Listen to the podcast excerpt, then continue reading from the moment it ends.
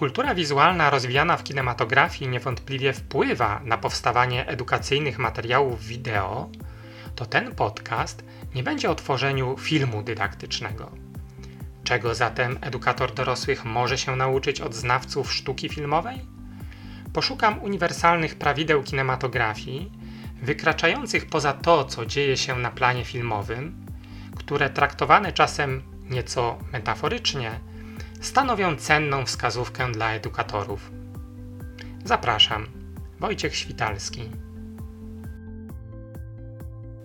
Moje zainteresowanie tematem wzięło się z prostego pytania, które jako słabo zorientowany widz niegdyś sobie zadałem. Mianowicie, co sprawia, że film mi się podoba? Uznałem, że aby poznać odpowiedź, muszę zdobyć nieco szerszą wiedzę z tego zakresu, najlepiej dzięki lekturze specjalistycznych książek. Zgłębiając temat, odkryłem, że wiele zaleceń dotyczących konstruowania filmu fabularnego brzmi bardzo podobnie do zasad przygotowywania zajęć edukacyjnych. Przyjąłem roboczą hipotezę, że wobec tego może wszystkie poznawane pryncypia kinematografii dają się adaptować do pracy edukatora. Swoje przypuszczenie rozwinąłem o szereg przemyśleń, które zebrałem i niniejszym postaram się nimi podzielić ze słuchaczami. Zacznę od tego, że jeśli przyjmiemy metaforyczne założenie, że zajęcia edukacyjne są jak film fabularny, to uczestnik zajęć może być równie dobrze odbiorcą filmu, czyli widzem, jak i bohaterem opowieści.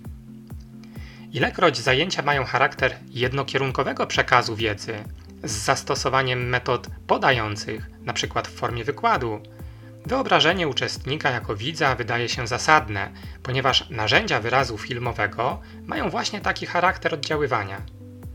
Jednak w chwili, gdy zajęcia przebiegają w oparciu o interakcję z wykorzystaniem metod aktywizujących, porównanie uczestnika do bohatera filmu może być równie cenne. W przypadku nauczyciela zaś sytuacja jest dużo bardziej złożona.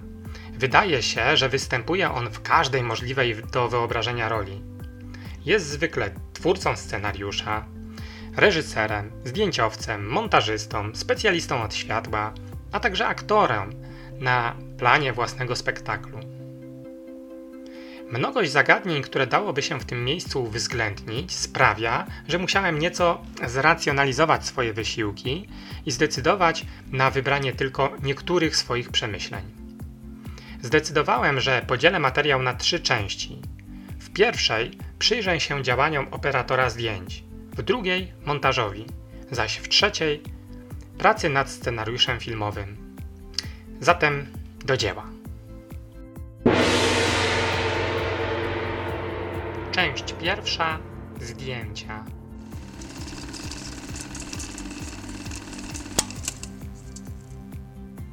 Zacznę od sprawy, którą chyba wszyscy trochę znają, mianowicie od planów filmowych. Każdy, kto choć raz miał kamerę w ręku, nawet taką w smartfonie, stanął przed problemem, co umieścić w kadrze, aby nagrać to, co go interesuje. Jak blisko stanąć, z jakiej perspektywy spojrzeć na scenę, jak skierować obiektyw. W sztuce operatorskiej wymyślono podział możliwych ujęć, nadano im nazwy, ale także określono kiedy i jak je stosować. Przytoczę i krótko opiszę tę klasyfikację.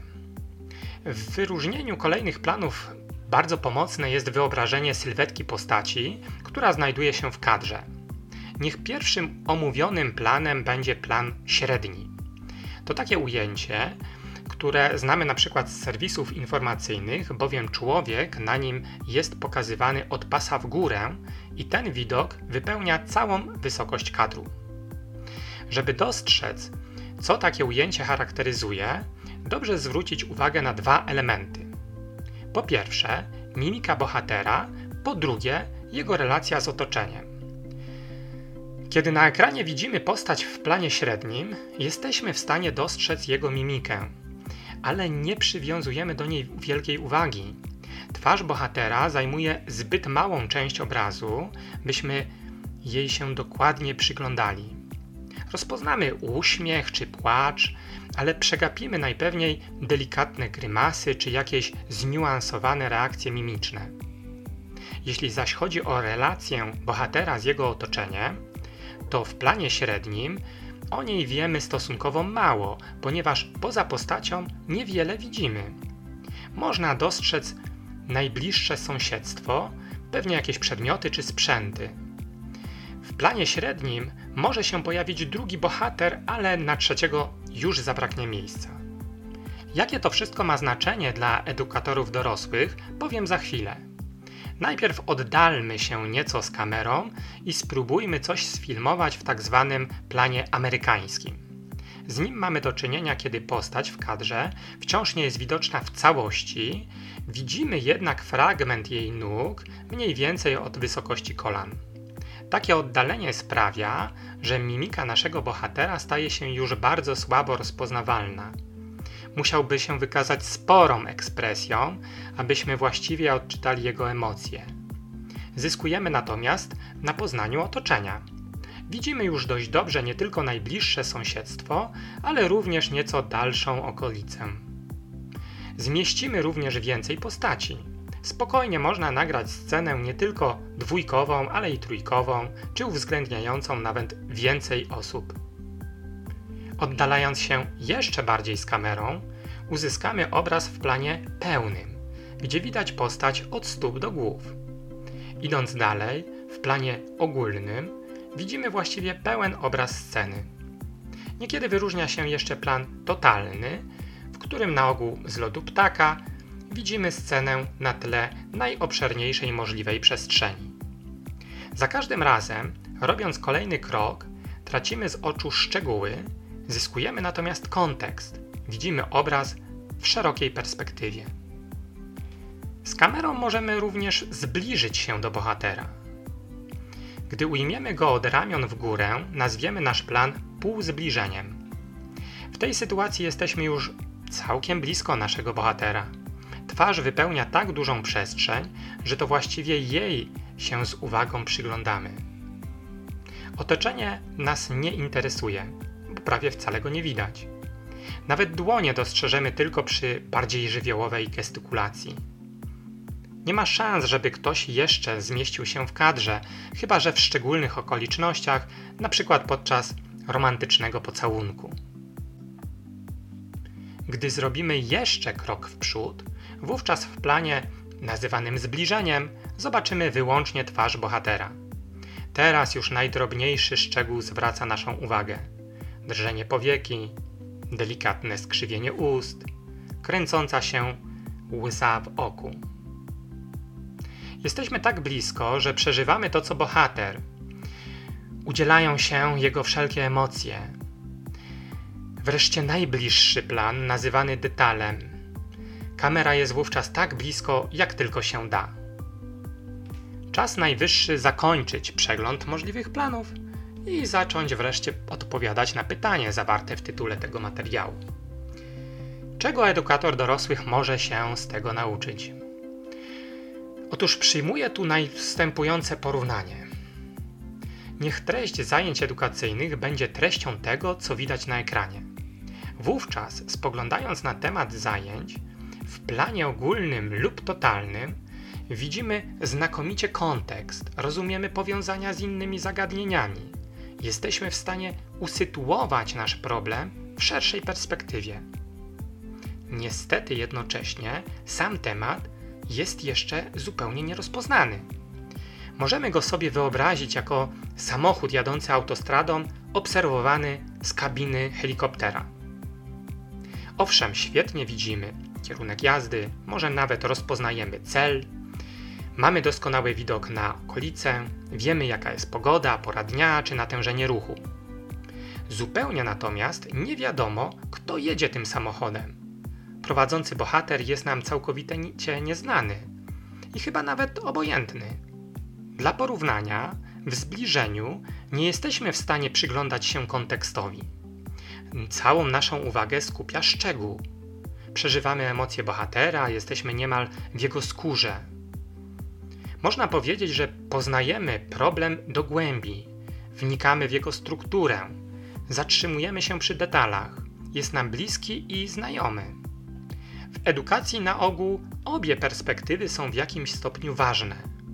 Treść poznawanych zagadnień zwykle chcemy zakotwiczyć w jakimś szerszym kontekście po to, aby zyskiwane w drodze zajęć wiedza czy umiejętności płynnie łączyły się z innymi kompetencjami.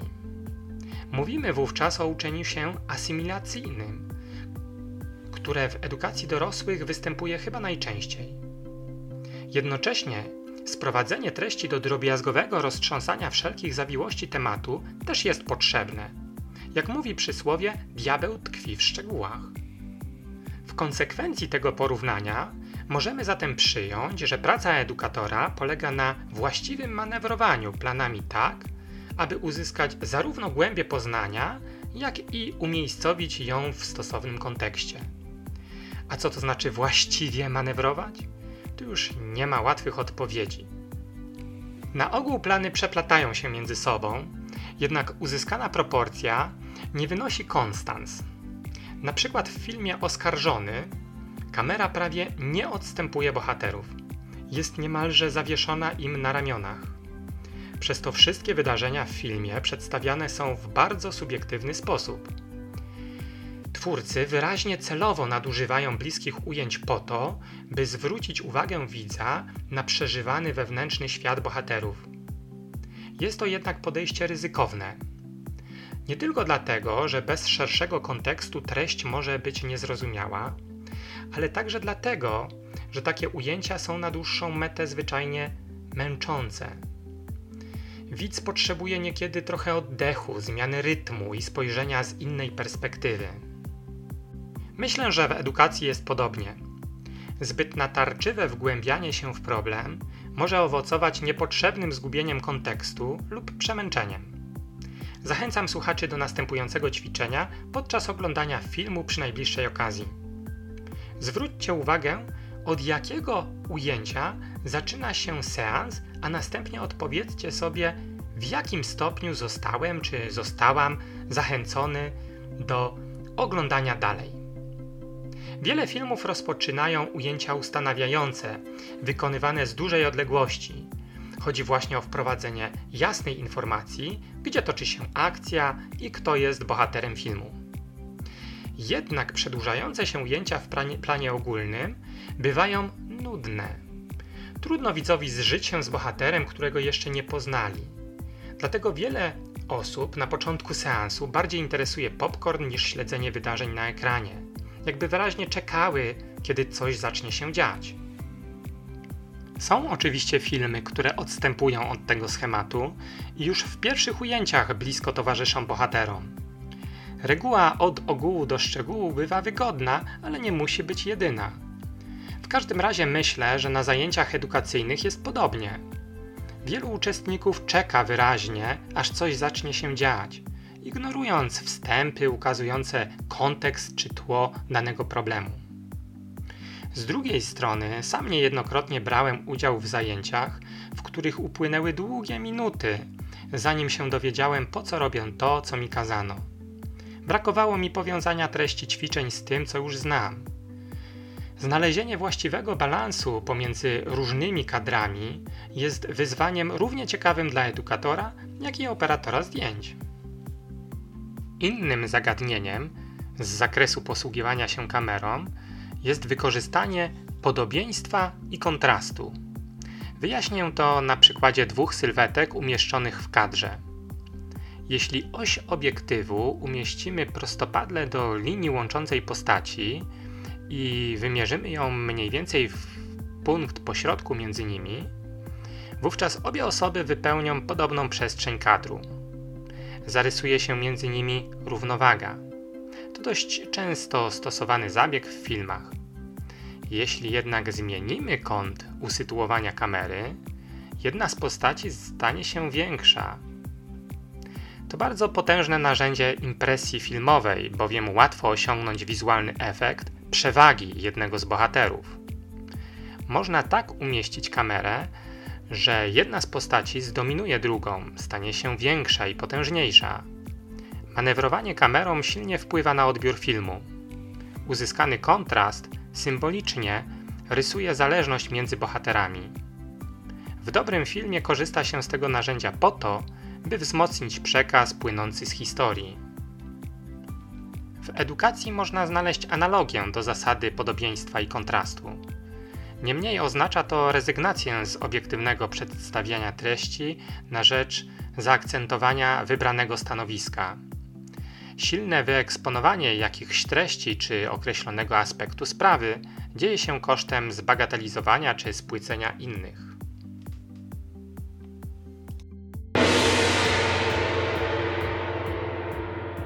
Część druga montaż.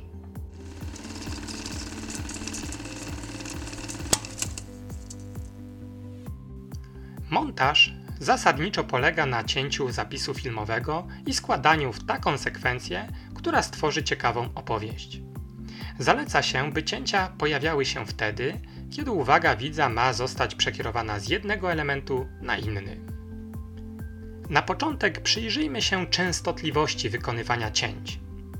Częste cięcia sprawiają, że widz otrzymuje w krótkim czasie wiele bodźców. Jest to zabieg charakterystyczny np. dla kina akcji. Podczas dynamicznych scen walki czy pościgów zdarza się, że wykonuje się nawet kilkadziesiąt cięć w ciągu minuty. Widz jest bezustannie bombardowany tym, co się dzieje. Sygnały zdają się docierać zewsząd, z każdej strony, tak jakby widz znalazł się pośrodku wydarzeń. Chcąc wprowadzić spokojny, stonowany nastrój, korzysta się z dłuższych ujęć. Kamera nawet przez kilka minut obserwuje daną scenę bez przerw. Oczywiście są od tej reguły odstępstwa, jak choćby sławna już scena z chłopców z Ferajny Martina Scorsese, kiedy główny bohater wchodzi do restauracji i pomimo, że nagranie wykonano jednym długim ujęciem, na ekranie dzieje się bardzo wiele. Podobnie w klasycznym thrillerze Sznur Alfreda Hitchcocka nieliczne cięcia tak sprytnie ukryto, by widz miał wrażenie, że bierze udział w przedstawieniu teatralnym, a nie seansie filmowym. Niemniej zasadniczo częste cięcia oznaczają częste przełączenia uwagi. A jak to działa w edukacji? Pokażę na przykładzie. Jest takie ćwiczenie, które nazywa się pik i pok. Przebiega następująco. Trener wraz z uczestnikami siada w zamkniętym kręgu. Dysponuje dwiema piłeczkami. Wyjaśnia, że pierwsza to pik, a druga pok. Pik zostaje przekazany do osoby siedzącej na prawo, ale odbywa się to zgodnie z obowiązującym rytuałem. Prowadzący mówi: To jest pik. Osoba na prawo. Kto? Prowadzący odpowiada: Pik. Teraz dopiero osoba odbiera piłeczkę i przekazuje ją dalej, znów mówiąc: To jest pik. Kolejna osoba. Kto? I teraz wręczający nie odpowiada od razu, tylko kieruje to pytanie na lewo do prowadzącego. Kto? Prowadzący pik. Osoba znów zwraca się na prawo i dopiero wyjaśnia. Pik. I tak dalej. To jest pik. Kto? Kto? Kto? Pik. Pik. Pik. Równolegle prowadzący podaje drugą piłeczkę na lewo, mówiąc: To jest pok. I wedle tych samych reguł piłeczka porusza się w przeciwnym kierunku. Z każdym przekazaniem ciąg osób zaangażowanych w odpowiadanie rośnie. W którymś momencie pik i pok krzyżują swoje drogi, i wtedy dzieje się największy miszmasz bo trzeba nie lada skupienia, by pamiętać, którą piłeczkę przekazać w którą stronę i jak odpowiadać na zadawane pytania. Jest to ćwiczenie, które można stosować jako lodołamacz na początku zajęć, bądź w trakcie jako przerywnik dodający energii, ponieważ jest to wesołe, żywiołowe zadanie pobudzające uwagę. Moim zdaniem jest to jednocześnie analogia stosowania szybkiego, agresywnego montażu. Uczestnicy spoglądają to w lewo, to w prawo, to pytając kto, to odpowiadając pik lub pok. Ich uwaga przeskakuje to w jedną, to w drugą stronę. Dla odmiany ćwiczenia polegające na pracy z tekstem na ogół będą przypominać długie ujęcia. Trzeba pamiętać, że nie ma tu rozwiązań zasadniczo lepszych czy gorszych.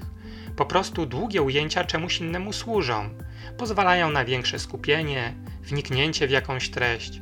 Jednak bywają nużące i gdy widać zmęczenie, wprowadzamy na ogół jakiś przerywnik. Jednak częstotliwość montażu to nie jedyna cecha, którą warto zaczerpnąć od filmowców. Żeby zrozumieć kolejną, przypomnijmy podział planów. Od najszerszego mamy plan totalny, ogólny, pełny, amerykański, średni, półzbliżenie, zbliżenie i detal. Istnieje zasada, która mówi, że jeśli jakieś ujęcie zostało nagrane w jakimś planie, to w montażu kolejne wklejone ujęcie powinno pozostać na tym samym poziomie lub przeskoczyć co najmniej o dwa w górę lub w dół. Nie wiem, czy dobrze to wyjaśniłem, więc podam przykład. Jeśli ukazujemy osobę w planie średnim, to po cięciu może być ukazana inna osoba, np. rozmówca naszego bohatera, również w planie średnim. I tak długo, jak będziemy przeskakiwać z jednej osoby na drugą, ale trzymać się planu średniego, wszystko jest w porządku. Jednak jeśli chcemy zmienić plan, np. na bliższy, to nie należy wybrać kolejnego planu, czyli pół zbliżenia, ale od razu zbliżenie. Uzasadnienie jest takie, że jako widzowie czujemy pewien dyskomfort, jeśli zmiana jest niewielka. Niby coś się zmieniło, a jednak nie za bardzo. Nawet jeśli wrażenie nie jest w pełni uświadomione, to podskórnie coś nam nie pasuje. Uogólniając tę zasadę na edukację, powiedziałbym, że między poszczególnymi fragmentami zajęć musi istnieć dostrzegalny kontrast. Możemy zrobić dwa podobne ćwiczenia na tych samych zajęciach, ale musimy je przepleść zupełnie innym. Taka zasada wydaje się całkiem sensowna. Podam przykład. Pewnie większość zna zadanie o nazwie 9 kropek. Polega ono na tym, że rysujemy na kartce 9 punktów w trzech równych rzędach po trzy kolumny. Zadaniem uczestnika jest narysować linię łamaną, czyli bez odrywania ołówka, składającą się z czterech odcinków tak, aby przejść przez wszystkie 9 punktów. Tajemnica rozwiązania polega na tym, że aby rozwiązać zadanie poprawnie, należy wyjść z odcinkami poza kwadrat wyznaczony przez punkty. Wartość poznawcza tego ćwiczenia jest taka, że większość osób z jakiegoś powodu trzyma się kurczowo dostrzeżonego kwadratu, nie zdając sobie sprawy, że istnieje on tylko w jego głowie i stanowi symboliczne mentalne hamulce, które nie pozwalają wykroczyć poza wymyślone ramy. Jest też inne ćwiczenie, które polega na tym, że należy z sześciu zapałek ułożyć cztery trójkąty równoboczne. Tutaj rozwiązanie polega na tym, aby skonstruować czworościan foremny. I tutaj tajemnica tkwi w tym, że na ogół uczestnicy układają swoje figury na płaszczyźnie, zapominając o trzecim wymiarze. Wartość poznawcza tego ćwiczenia jest podobna, ale nie użyłbym tych dwóch ćwiczeń jedno po drugim. Myślę, że po pierwszym uczestnicy byliby zbyt silnie ukierunkowani na znalezienie rozwiązania i nie mieliby tej satysfakcji z rozwiązania jak wtedy, gdyby to ćwiczenie pojawiło się później, po jakimś zupełnie innym. Część trzecia. Scenariusz.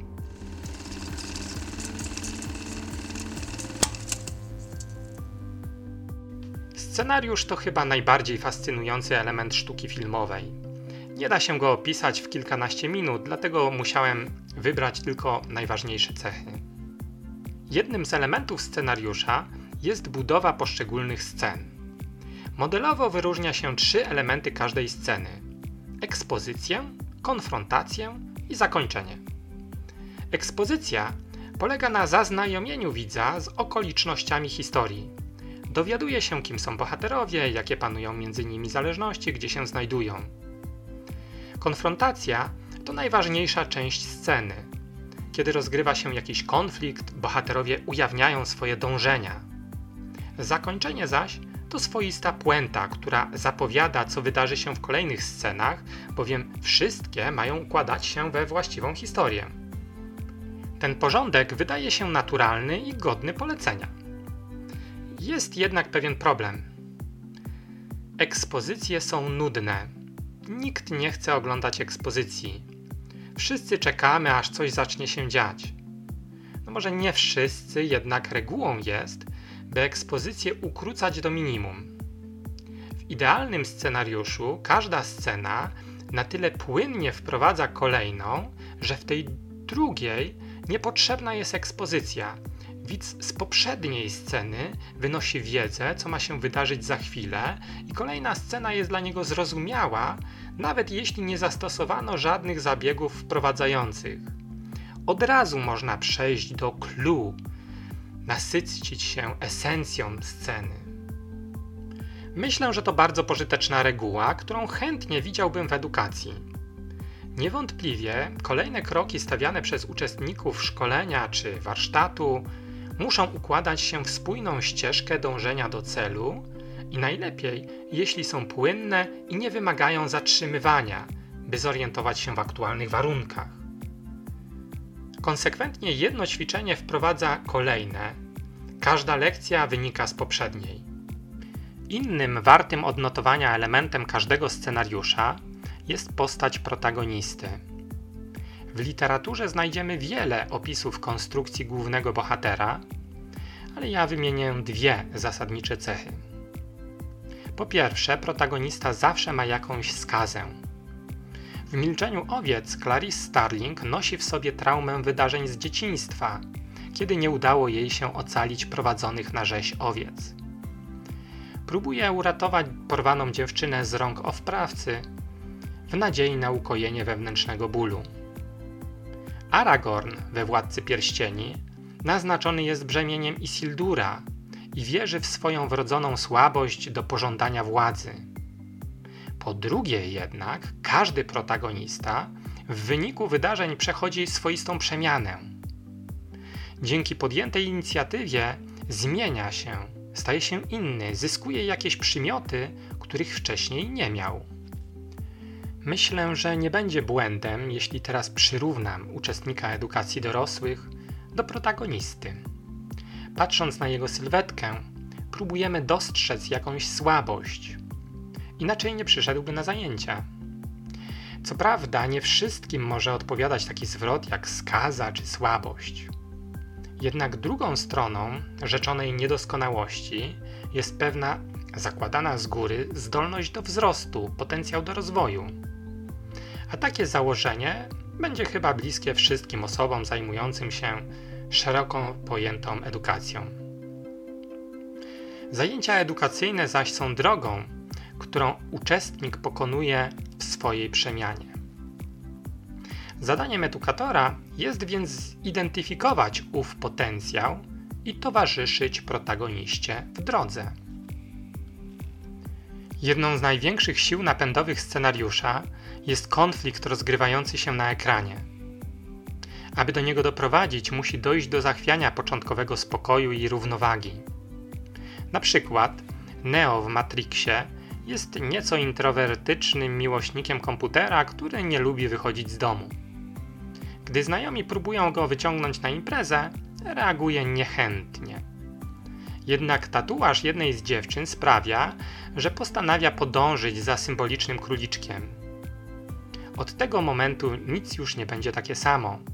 Każdy kolejny krok to stopniowe wybijanie bohatera z jego bezpiecznego kokonu. Do czasu, aż znajdzie w sobie potencjał, by stawić czoła przeciwnościom i zacząć sprawczo kierować swoim życiem. W edukacji często nawiązuje się do koncepcji strefy komfortu. Zajęcia edukacyjne mają polegać na wybiciu uczestników z tej strefy, sprawić, że przez moment poczują się niepewnie. Motywowani powrotem do stanu równowagi, będą poszukiwać rozwiązań problemów, które przed nimi postawiono. Wreszcie chciałbym powiedzieć o zasadzie, którą chyba z trudem autorzy przyjmują, a która właściwie występuje niemal we wszystkich publikacjach dotyczących tworzenia scenariuszy filmowych, jakie znam. Otóż zaleca się, by przy każdej scenie czy dialogu zawsze zadać pytanie, do czego ta scena czy dialog służą, jak budują opowiadaną historię. Jeśli tylko odpowiedź jest taka, że nie mają wielkiego wpływu na poznanie bohatera czy przebieg akcji, to choćby były nie wiem jak interesujące same w sobie, to należy je jak najszybciej wyciąć. Podobno wielu autorów z trudem godzi się na usunięcie fragmentów, nad którymi tak pieczołowicie pracowali. Jestem gotów w to uwierzyć.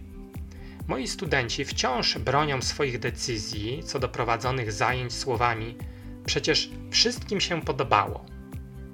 Nie potrafią się pogodzić z tym, że dla ostatecznej oceny efektów prowadzonych zajęć edukacyjnych kluczowa jest ocena osiągnięć podyktowanych celami, a nie czy zajęcia były miłe i przebiegały w sympatycznej atmosferze. Za to będą oceniani też w swojej pracy edukatora. Dlatego czasami brutalnie i bezkompromisowo nakazuję im wykreślać wszystko to, co nie służy rozwojowi uczestników, tak jak w scenariuszu filmowym kasuje się wszystko, co nie buduje opowieści. Na tym zakończę swój przegląd inspiracji filmowych, które wykorzystuję w pracy edukatora. Oczywiście jest ich znacznie więcej, choćby związanych z reżyserią czy produkcją. Mam jednak nadzieję, że te przytoczone wystarczą, by skłonić słuchaczy do własnych przemyśleń. Zachęcam do dzielenia się nimi na platformie Epale. Mówił Wojciech Świtalski. Do usłyszenia.